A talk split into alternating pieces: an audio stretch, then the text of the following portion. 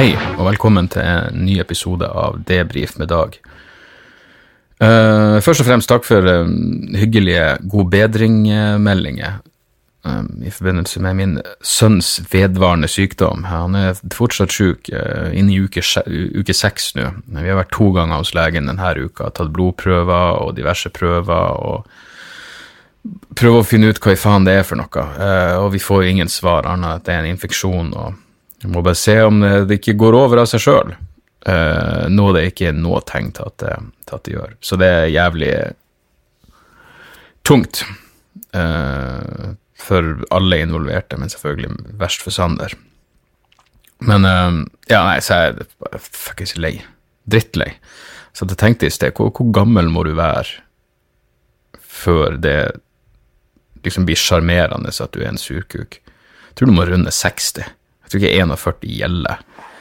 Men, men, ikke sant, det finnes to, to um, forskjellige typer uh, på si negativitet. Den ene typen negativitet er jo ikke engang negativ. Det, det er jo bare uh, å si Det å klage og finne ting og irritere seg over, det er jo det jeg lever av. Og det gir meg jo stort sett bare energi og glede i livet. Men, um, akkurat den siste tida, som den siste uka, som jeg sier, nei, det har bare, bare føltes uh, bare føltes tungt. Kanskje jeg går bevisst på denne type ting òg, for i helga så var jeg i Kristiansand, og jeg og Gunnar gjorde en uh, dialogisk live på østsida der, hvor vi hadde tatt den Big Five uh, personlighetstesten. Så hadde vi med vår venn Sondre Liverød, psykolog, som hadde gått gjennom testresultatene, og um, og ja, vi holdt faen meg på i over to timer, og det å drive og på å si, psyk psykoanalysere seg sjøl på den måten, så blir man jo jævlig bevisst på ja, jeg, jeg, tror ikke det i lengden at det er sunt å drive og være så fokusert på seg sjøl. Men, uh, men, uansett, da, begynte, da prater vi om det der at, uh, ja, at negative følelser ikke nødvendigvis er negative. Det jeg kom, kom Der jeg skilte meg mest ut, føyelighet, der hadde jeg ingenting. Jeg er abnormalt lite føyelig uten at det kom som, som et sjokk på meg. Uh, og så tror jeg også jeg var sånn middels på følsomhet, og der, der, der trodde jeg også at jeg skulle være helt utenfor, uh, utenfor normalen. Men uh, uansett, vi, vi, tok jo opp denne seansen, og den tanken er å legge den ut i, som en påskeepisode på, på Dialogisk. Men det er stort sett det jeg det jeg har gjort i det siste, det var på fredag, dro hjem på lørdag, og ja, og det, det, var jævlig rart, fordi Sander har vært sjuk så lenge, og jeg bare Det har liksom bare blitt den nye normalen at han har feber, og så plutselig på lørdag, så fikk jeg bare på vei hjem, så fikk jeg en sånn jævlig følelse av at faen, hva hvis det hva hvis det er noe alvorlig? Hva hvis han er alvorlig sjuk? Hvorfor faen går ikke det her over? Og jeg kontakta dr. Jonas Bergland, som beroliga meg litt, men anbefalte meg å fære til legen igjen, så Så, ja. Jeg tror sånne ting tar på mer enn man nødvendigvis Jeg tror det, det kverner så mye underbevissthet at plutselig så er det sånn Jeg vet ikke helt hvorfor jeg føler meg eh, nedstemt, men, eh, men det har nok mye med det å gjøre. Eh, men uansett I går var jeg i, i Fredrikstad.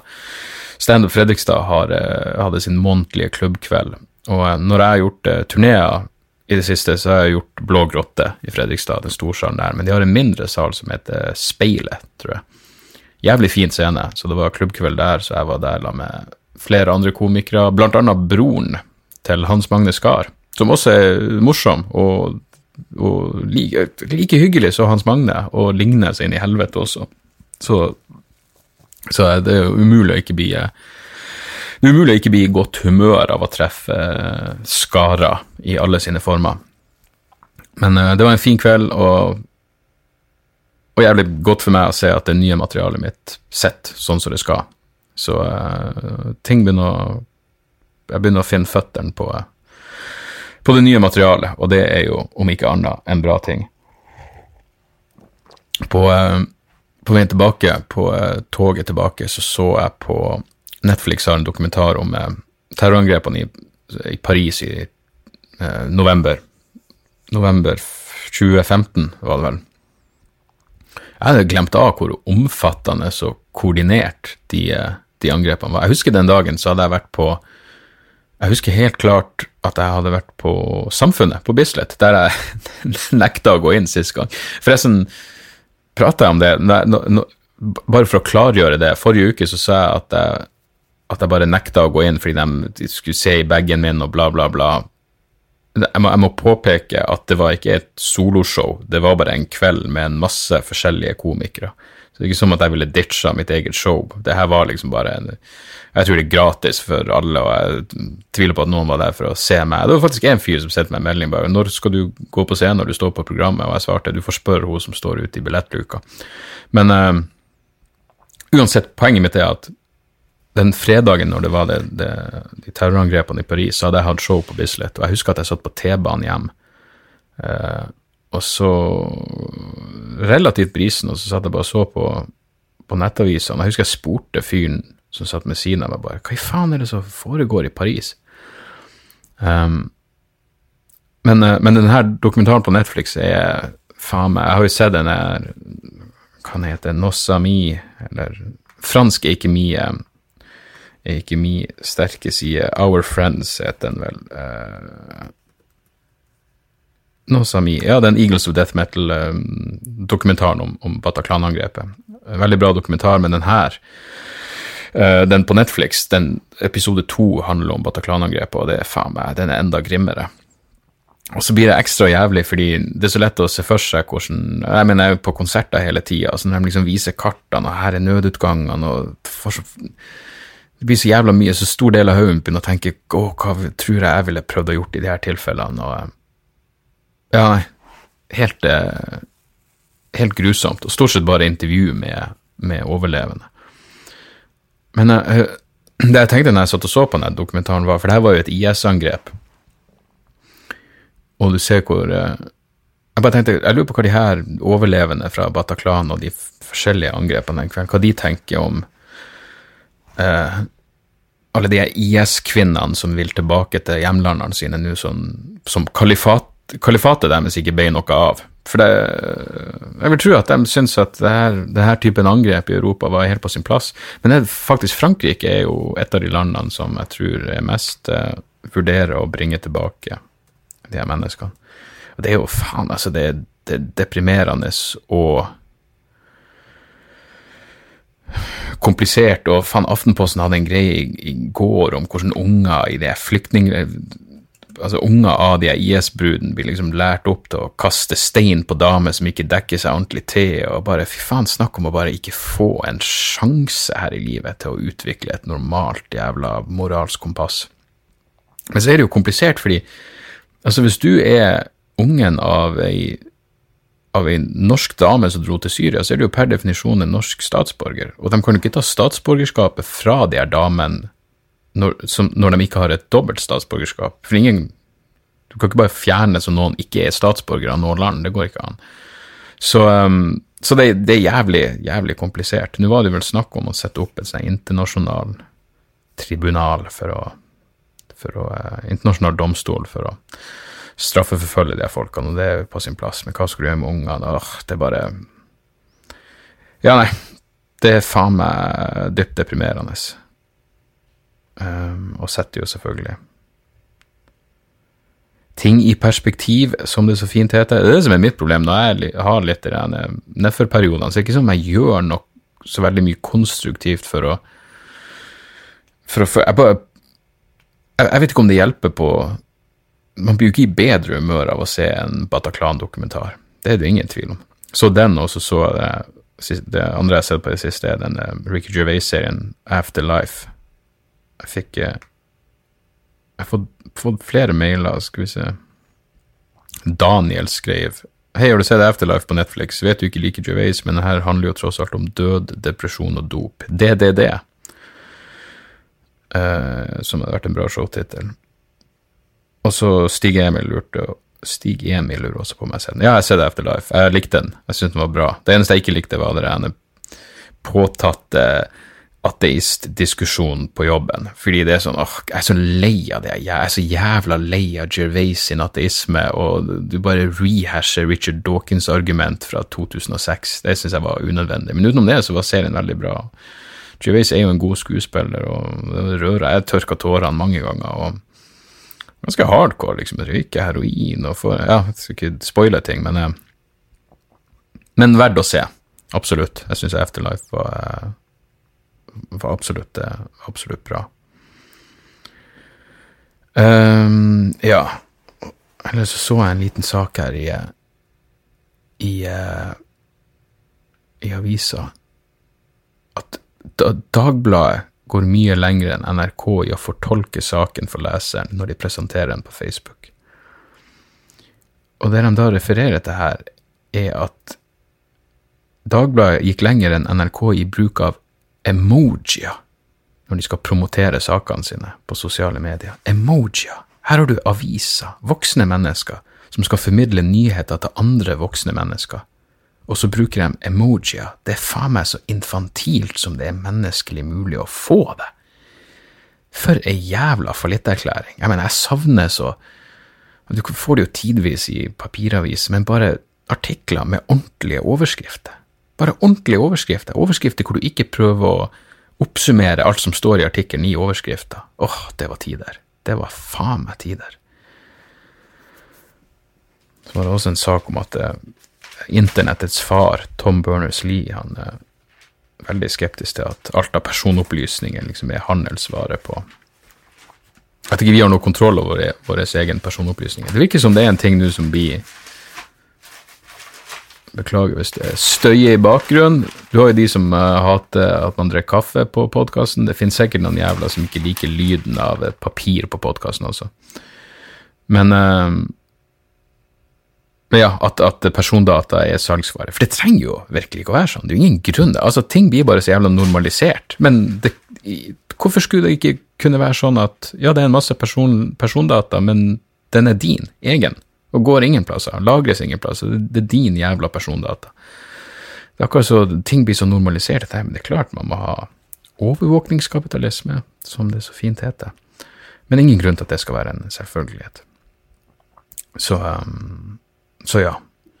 Uansett hva, hva jeg, jeg, kom bare feil ut. Jeg, jeg, jeg bare tenker på, har jeg noen gang svart noen på Twitter noen som skriver noe negativt. Jeg har noen gang svart noen tilbake med noe negativt og følt meg bedre. Jeg har minus og minus noen gang blitt pluss på, på Twitter. Jeg, jeg, tror faen ikke det.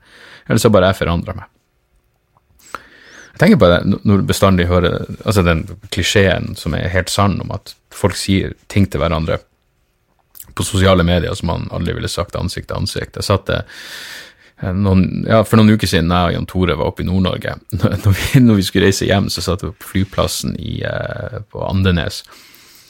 Og så satt det noen eh, Et gammelt Altså, gammel, hva faen er gammel? Jeg, den var i 60-70-årene. Det var to stykker som satt rett bak meg, og typen hadde Gubben der hadde tydeligvis vært på standup-showet, så han sier liksom Jeg var på den standupen i går, og så sier hun ja, hvordan var det? Og så viste det seg at han var ikke noe fan av det han hadde sett. Og jeg hørte ikke helt nøyaktig hva han sa heller, men, men de satt jo rett bak meg, og det var åpenbart at de ikke visste at jeg satt og hørte på. Uh, uh, de visste jo heller ikke at jeg har ræva hørsel, så sånn sett så var det ikke noe stress. Men uansett så røyste jeg meg opp og gikk på, på den jævla brusautomaten eller et eller annet. Og når jeg da gikk tilbake, så så de jo at det var meg, og det var et herlig ansiktsuttrykk på han fyren, hvor han virkelig bare det var liksom ikke noe forsøk på For alt han kunne gjort, var jo bare blinke til meg eller bare nikke anerkjennende, men han så bare ekstremt ukomfortabel ut. Men det var jo ingen, ingen, grunn til det. Han sa jo åpenbart bare det. Altså, jeg hørte jo ikke hva han sa, men jeg går ut ifra han sa det han mente, og det er jo Ja, det er helt fair. Jeg skjønner jo hvorfor han blir flau, det er ikke det, men men kom igjen, det, hva er poenget med det her? Det er faen meg Er det noe struktur i denne podkasten? Altså, ikke nødvendigvis generelt engang, men bare akkurat i dag. Jeg aner ikke. Vi skal ta noen lyttespørsmål, og så har jeg en god del anbefaling, og så, og så er vi ferdig. Beklager mitt, eh, mitt nedstemte humør, men um, jeg vet ikke om dere merker det engang, at det her er meg nedstemt. Um, Si nedstemt i stedet for deppa. Det er en av de tingene som jeg sjøl har kritisert andre for. Å bruke store ord om eh, små følelser. Men um, Men ja. Så sånn er det. Men uh, ja, Fredrikstad i går, i kveld er jeg i Sarpsborg, og i morgen er jeg i Moss. Sarpsborg har vært utsolgt lenge, jeg vil tro det er noen billetter igjen i Moss. Så hvis noen føler for å komme og høre meg prøve å finne fot med nytt materiale, så er dere, så er dere hjertelig velkommen. Men det er medieger, faktisk, eh, det skal jeg tipse om. Jeg bruker en jeg bruker en app som heter Pocket til å Hvis jeg finner en, en eller annen artikkel eller noe som jeg har lyst til å lagre og skrive ut, eller noe, så bruker jeg en app som heter Pocket, som lagrer hvor jeg bare Ja, den lagrer artikler så du vil spare til seinere. Eh, og det som er jævlig kjekt, er at at eh, en gang i uka eller to ganger i uka så kommer den med en masse artikler, den tipser meg om artikler. Det er jo åpenbart bare algoritmer i appen som, som, ser an hva jeg liker slags artikler, og så får jeg tips om andre artikler. Og jeg finner den, det er blitt en uh, uvurderlig del av min informasjonsinnhenting. Altså, den er jævlig kjekk, den er god å hente, hente interessante artikler. Så um, ja, så nå er jeg blitt en av dem som bare leser det jeg får beskjed om å, om å lese. Men uh, det kan anbefales. Pocket, uh, Pocket funker som faen. Skal vi bare ta noen mailer? Og så uh, For å rappe det her opp um, mm, mm, mm. Ja. Mitt, nå jeg bare ser på de uh, emnefeltene.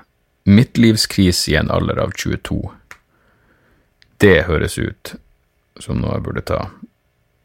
Jeg ser at han skriver under med John Doe, så da skal jeg ikke lese opp uh, John Doe sitt egentlige navn.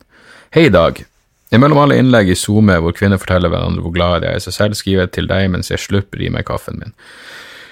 Å, oh, jeg kan høre det for meg, og det er en vakker lyd. Jeg har nylig fått interesse for norsk standup og syns du er en fantastisk entertainer. Entertainer? det må du sette i anførselstegn.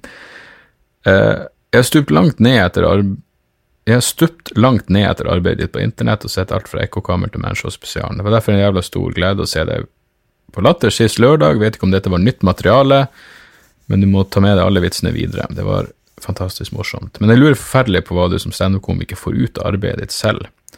Hva det betyr for deg Hva gjør betyr det for deg når du har publikum gapskrattende? Er det bare en form for inntekt? Eh, Uh, Mailen liksom fortsetter, men burde jo ta det først. Hva får jeg ut av det? Altså, det gir meg jo åpenbart et eller annet utenom økonomisk gevinst. Selv om det etter hvert blir en jobb. Altså, det, blir, det, det er ikke noe som jeg tenker over. Men, men ja. Ja. altså, ja, du var jo der på Latter. Det var nytt materiale, og når jeg får det til å funke, så gir det meg sikkert bare en sånn grunnleggende mestringsfølelse. Og det er ingenting annet jeg egentlig har lyst til å gjøre. Så um, hva vet jeg, det blir second nature. Jeg tenker ikke over det. Men så er det jo selvfølgelig også jobben min, og av og til føles det jo som jobb. Eh, og det er jo når det ikke føles som jobb, at man virkelig koser seg. Uansett, John Doe skriver videre, ønsker også å høre meningen din om hvorvidt du tror forhold fra videregående skole har noen sjanse videre i livet. Vi kjenner, jo, vi kjenner jo til de dårlige oddsene forhold fra videregående ofte har, men jeg har vært i et forhold nå i fire år vært i forhold i nå fire år, nå fra jeg 18 Ok, det du mener å si at du har vært i et forhold i fire år fra du var 18, og ting fungerer forholdsvis greit. Vi har det godt sammen, men jeg holder litt igjen på å flytte sammen ettersom jeg er redd for at det kan bli for forpliktende. Når jeg drikker, tar jeg meg selv i å måtte anstrenge meg for å ikke bli fristet av andre folk. Om dette forholdet Andre folk? Du er faen meg en player. Om dette forholdet varer livet ut, har jeg bare ligget med en annen, og det bekymrer meg litt at jeg ikke har fått utforsket mer. Er det forstendig ulogisk å bekymre meg for dette allerede? Hadde vært interessant å høre dine two som dette. Jeg kjenner flere som er i min posisjon, setter stor pris på alle innspill. Vel um, Jeg husker jeg hadde Jeg kjente mange på videregående som fikk unger jævlig tidlig. De fikk unge i sånn 16-17-18-årsalderen, og jeg tror ingen av de forholdene de forholdene varte. På den andre sida så vet jeg jo for Jeg tror brorsan har eh, Jeg tror han har vært sammen med hos, eh, med dama si nå siden ja, den var på din alder. Kanskje tidligere, til og med. Og det går bra. Så det kan absolutt, eh, det kan absolutt funke. Det er det ingen tvil om. Men jeg skjønner jo eh, Jeg skjønner jo eh, bekymringene dine. Men altså, for det første, det er når du skriver du må anstrenge deg for å ikke bli frista av andre. Uh, altså, ikke anstreng deg for å ikke bli frista, det er bare å bli frista, og så får du heller anstrenge deg for å ikke ta fristelsen til sin, til sin, logiske konklusjon, men det der er jo en del av det å være menneske. Jeg tror hvis du skal straffe deg sjøl for at du har lyst til å pule andre, så um, Ja. Så, så, får du et, et røft liv. Men um, hvem vet, kanskje, kanskje dama di er åpen for et åpent forhold, jeg aner ikke. Det, det, er mange muligheter der. Uh, men jeg skjønner jo at du føler for å få utforska mer. Jeg mener, det er jo litt sånn Du er egentlig bare tidlig ute med å innse det her. Jeg tror mange er atskillig eldre enn du er før de begynner å tenke faen, alt det jeg gikk glipp av. Um, og så er det jo litt foruroligende at du sier ting går forholdsvis greit.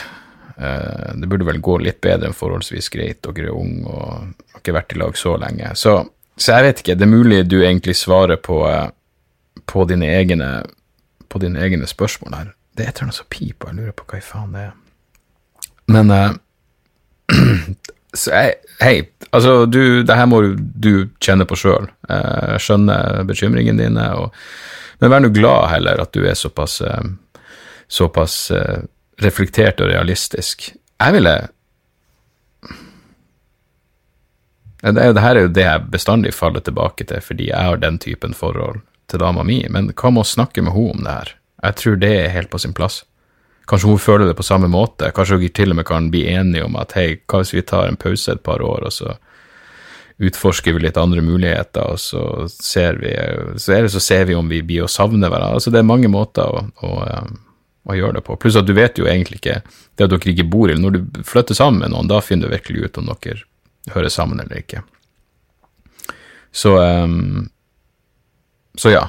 Det, det, er mine two cents, som egentlig bare er ja, alt fra Men jeg ville snakka med henne her. Jeg tror, jeg, tror, jeg tror, ikke det jeg tror ikke det skal såre noen, fordi du kan fortsatt være glad i noen, og det her er jo, her er jo ærlige følelser som, som er i det er, Ja, ærlige bekymringer. Så det burde hun eh, takle å høre, uten å ta det for Ja, selvfølgelig vanskelig ikke ta det personlig, men men uh, det, er verdt et forsøk å bare, å bare prate med henne.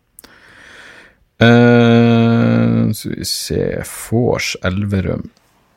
Hei, Dag. Tar en, her er Vegard. Tar en råsjanse her. 22.3. skal du opptre i hjemkommunen Elverum. Jeg har vært satans treg med å få kjøpt billetter til dette og egentlig ikke tenkt mer over det ettersom det ble utsolgt, men nå ser jeg at arrangementet er flytta til Fors. Det jeg mener det er mer plass. Å oh ja, ok, så får seg en plass, det var ikke snakk om å trekke før showet. Vet om det ble lagt ut flere billetter, hadde vært nydelig om min gravide samboer og jeg kunne få skaffet noen i så fall. Beklager dersom dette ikke er riktig sted å ta slike henvendelser. Vi er bare store fans, bla, bla. Vel, takk for det. Uh, men ja, nei, det her er absolutt ikke riktig plassen å ta sånne henvendelser. Jeg, jeg er ikke engang med. Elverum er vel bare en, en eller annen klubbkveld, så jeg, jeg beklager, men jeg har ingenting med arrangement å gjøre utover at jeg møter opp der og og gjør mine 25 minutter. Så jeg ville rett og slett bare kontakta hvem enn ja, det, det, er vel sikkert eh, arrangementgreie på Facebook. Det er vel ei som heter Susanne Låke, tror jeg. L-A-C-H-E. Finn henne på Facebook og send henne en melding. Hun, eh, hun, vet garantert alt om um, alt om billetter. Og så håper jeg at vi, håper jeg at vi ses der. Uh, uh, uh. En fyr skriver 'digger Giger'. Halla igjen, Dag. Giger-statuen din dukker stadig opp, men hva er storyen bak den? Er den anskaffet på museet, og om ikke, så tror jeg virkelig det er en plass du ville trivdes. Digger podden debrief så vel som dialogisk. Hilsen Yme.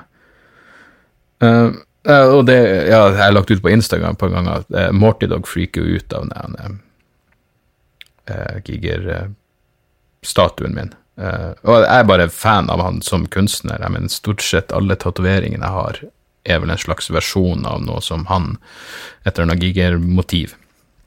For de av dere som ikke vet, så var han en uh, sveitsisk kunstner, og det var der det museet også. Og lagd blant annet Alien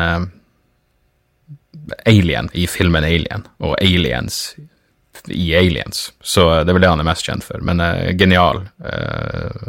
genial mann. Um, mulig jeg har sagt det før, men jeg husker jeg så det var en dokumentar om han, og um, filma for noen år siden, filma ikke så lenge før han før han døde, og da husker jeg at han hadde så helvetes bratt trapp hjemme, og så tenkte jeg fuck, du er dristig, du er såpass glad i rødvin, og du er såpass dårlig til beins, og så bor du i et hus med ei så bratt trapp. Og så døde han vel av å ramle ned trappa. Som eh, Ja, så sånn var det. Men eh, ja, nei, så det er ikke noe, stor, det er ikke noe større historie bak det enn at jeg er fan av hans eh, Av hans kunstneriske output. Um, vi tar én til. Tor Erik skriver 'deepfakes'. Hallais. Som du sikkert har fått med deg, så dukket det i 2017 Som du sikkert har fått med deg, så dukket det opp i 2017 og stammer fra en Reddit-bruker som kalte seg deepfakes, der vedkommende manipulerte kjendisers ansikter inn i pornofilmer. Som svar forbød Reddit-videoene med bakgrunn i at de overskred nettstedets innholdspolitikk mot ufrivillig pornografi. Verktøyet er basert på kunstig intelligens og filterfunksjonen som lar brukere bytte ansikter i bilder og video. Teknologien bak er, en avansert variant av filterfunksjoner man bl.a. finner på Snapchat, som lar deg bytte et ansikt med et annet. Ved å mate verktøyet med store mengder bilder av en person, lærer det seg å bli stadig bedre. Teknikken kan også brukes til å manipulere lyd. Det finnes allerede flere apper som kan få hvem som helst til å høres ut som en bestemt kjendis. Så frykten er også, så frykten er også også at deepfake skal bli neste nivå av fake news, spesielt i forbindelse med presidentvalget i 2020. Det amerikanske forsvarsdepartementet og etaten for avansert forskning har nå hyret inn forskere over hele landet for å utvikle metoder for å avsløre slike videoer. Så hva er dine meninger om dette, og hva bør det brukes til, porno eller propaganda? Vel, ja takk, begge deler. Uh, jeg har hørt om uh, Jeg vet ikke om det var Radiolab, det var en eller annen podkast som hadde en episode om uh, deepfakes-porno. Det ser visstnok uh, skikkelig bra ut. Jeg har ikke sjekka det ut sjøl. Um, så det, det, er ingen kjendis jeg er så stor fan av at jeg føler for å se ansiktet deres faka, på, faka inn i en pornofilm. Men, uh, men generelt så kommer det her til å bli ei helvetes utfordring. Uh, og selv, jeg mener, du, man, det er mulig man vil få en eller annen form for uh, vannmerking eller noe som kan vise om det her er et ordentlig opptak, et ordentlig lydopptak eller et ordentlig videoopptak, men, men skaden vil jo faen meg være skjedd straks man uh, har fått det ut. Jeg lurer på om det er mulig jeg husker feil, men jeg tror at når den uh, Grab him by the pussy-opptaket av Trump lekte ut, så var et lite sekund der, så prøvde han seg med Det, det, ikke jeg, det var ikke jeg som sa det. Så jeg tror han prøvde seg med en sånn Han visste selvfølgelig ikke om deepfakes, men jeg, jeg, tror han prøvde seg med den ideen om at nei, men det var ikke han på det opptaket.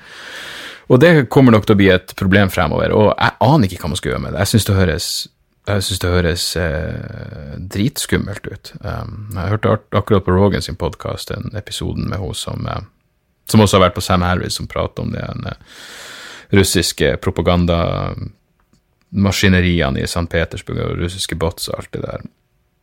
Uh, og det Fuck, jeg har ikke peiling. Det er, det en spennende fremtid, uh, både når det kommer til porno og propaganda. Så, uh, så jeg, jeg, skjønner godt at, at de prøver å utvikle metoder for å avsløre sånne videoer, men problemet er jo at folk det her, de, de her typen faker vil jo kunne gi folk det de vil ha, og da Ja, jeg vet ikke. Det Og så når vi prater med eh, Eirik Knut i eh, dialoger, så prater vi om Eller jeg kødda med hvor lang tid Hvis man koloniserer Mars, hvor lang tid vil det ta før folk begynner før en del av befolkninga begynner å tro at Mars er, er flat.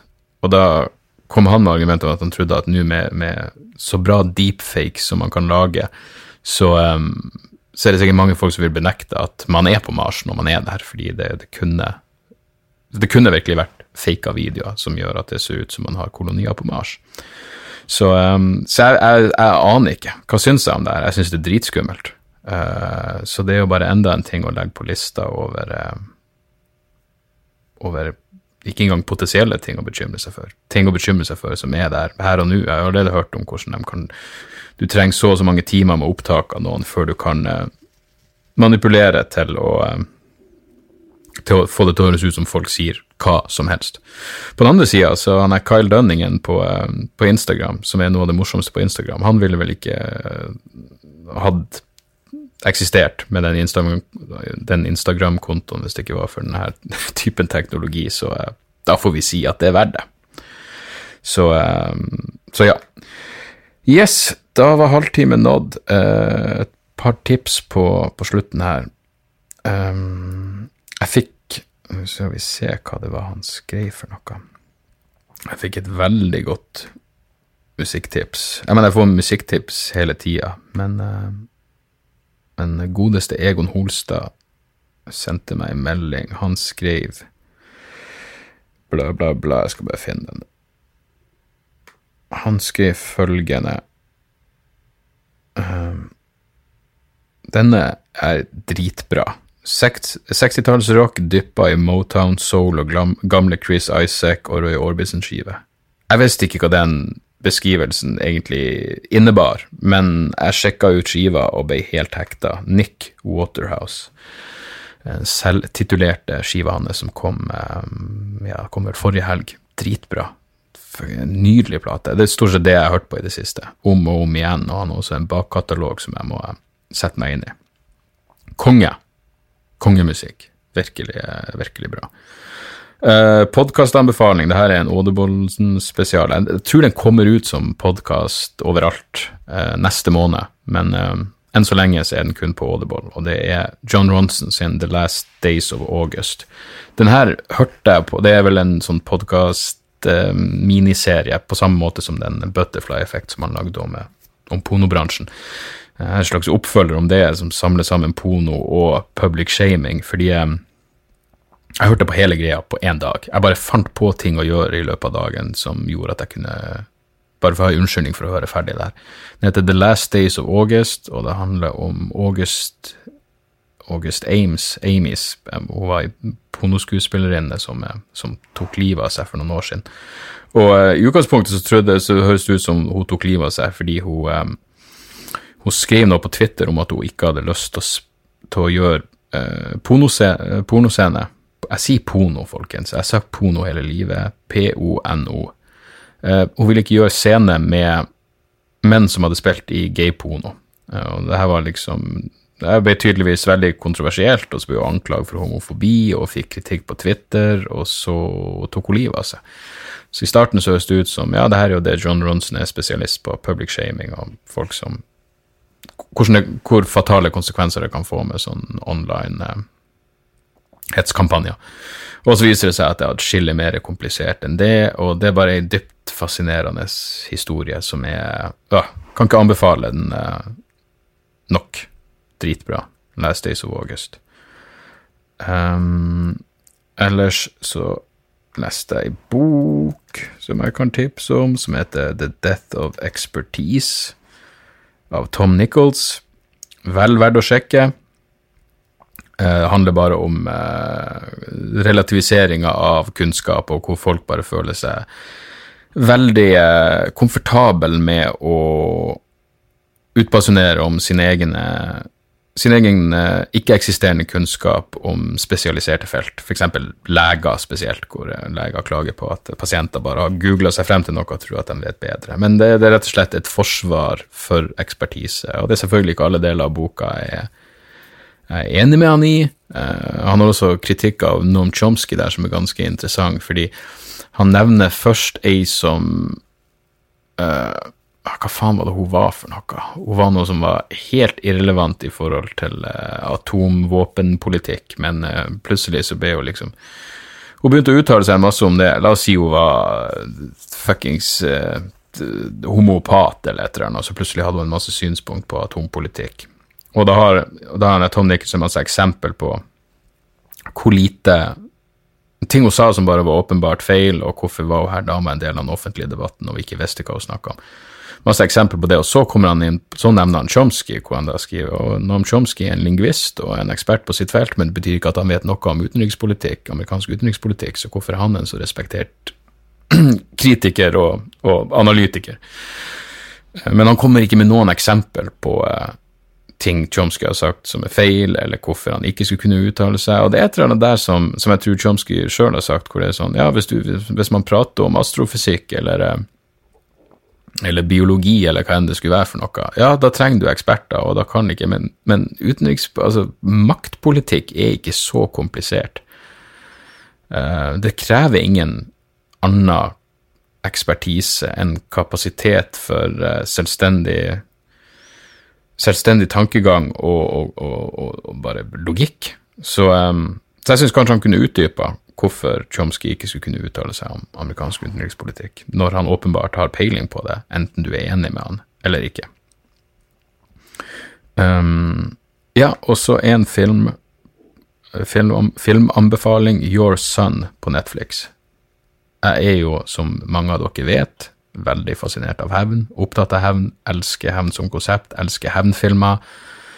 Og det her er en, en spansk hevnfilm med en twist som eh, som absolutt er, er verdt å sjekke. Uh, den er ikke feilfri, den er ikke perfekt, men den er absolutt verdt å se. Your Sun der, altså. Your Sun, som i sun, ikke sol. Så, uh, så ja, det, det, var det jeg, jeg rakk denne uka, folkens. Um, rate og review, spre gjerne ordet. Jeg vil jo at flest mulig skal høre på det her. Spørsmål, kommentarer, Alt det der kan dere sende til debrifpodkast.gmail.com. Og så um, Ja, og når jeg nevner det igjen, intro, utromusikk av bandet Veislagt. Uh, sjekk dem ut. Uh, jeg er glad i dere, folkens. Vi, uh, vi høres snart igjen, og jeg, jeg, jeg, skal gjøre mitt ypperste for å være litt mer Litt mer energisk humør neste gang. OK? Jeg lover at jeg skal prøve. Den er god. Vi snakkes, folkens. Tjo og hei.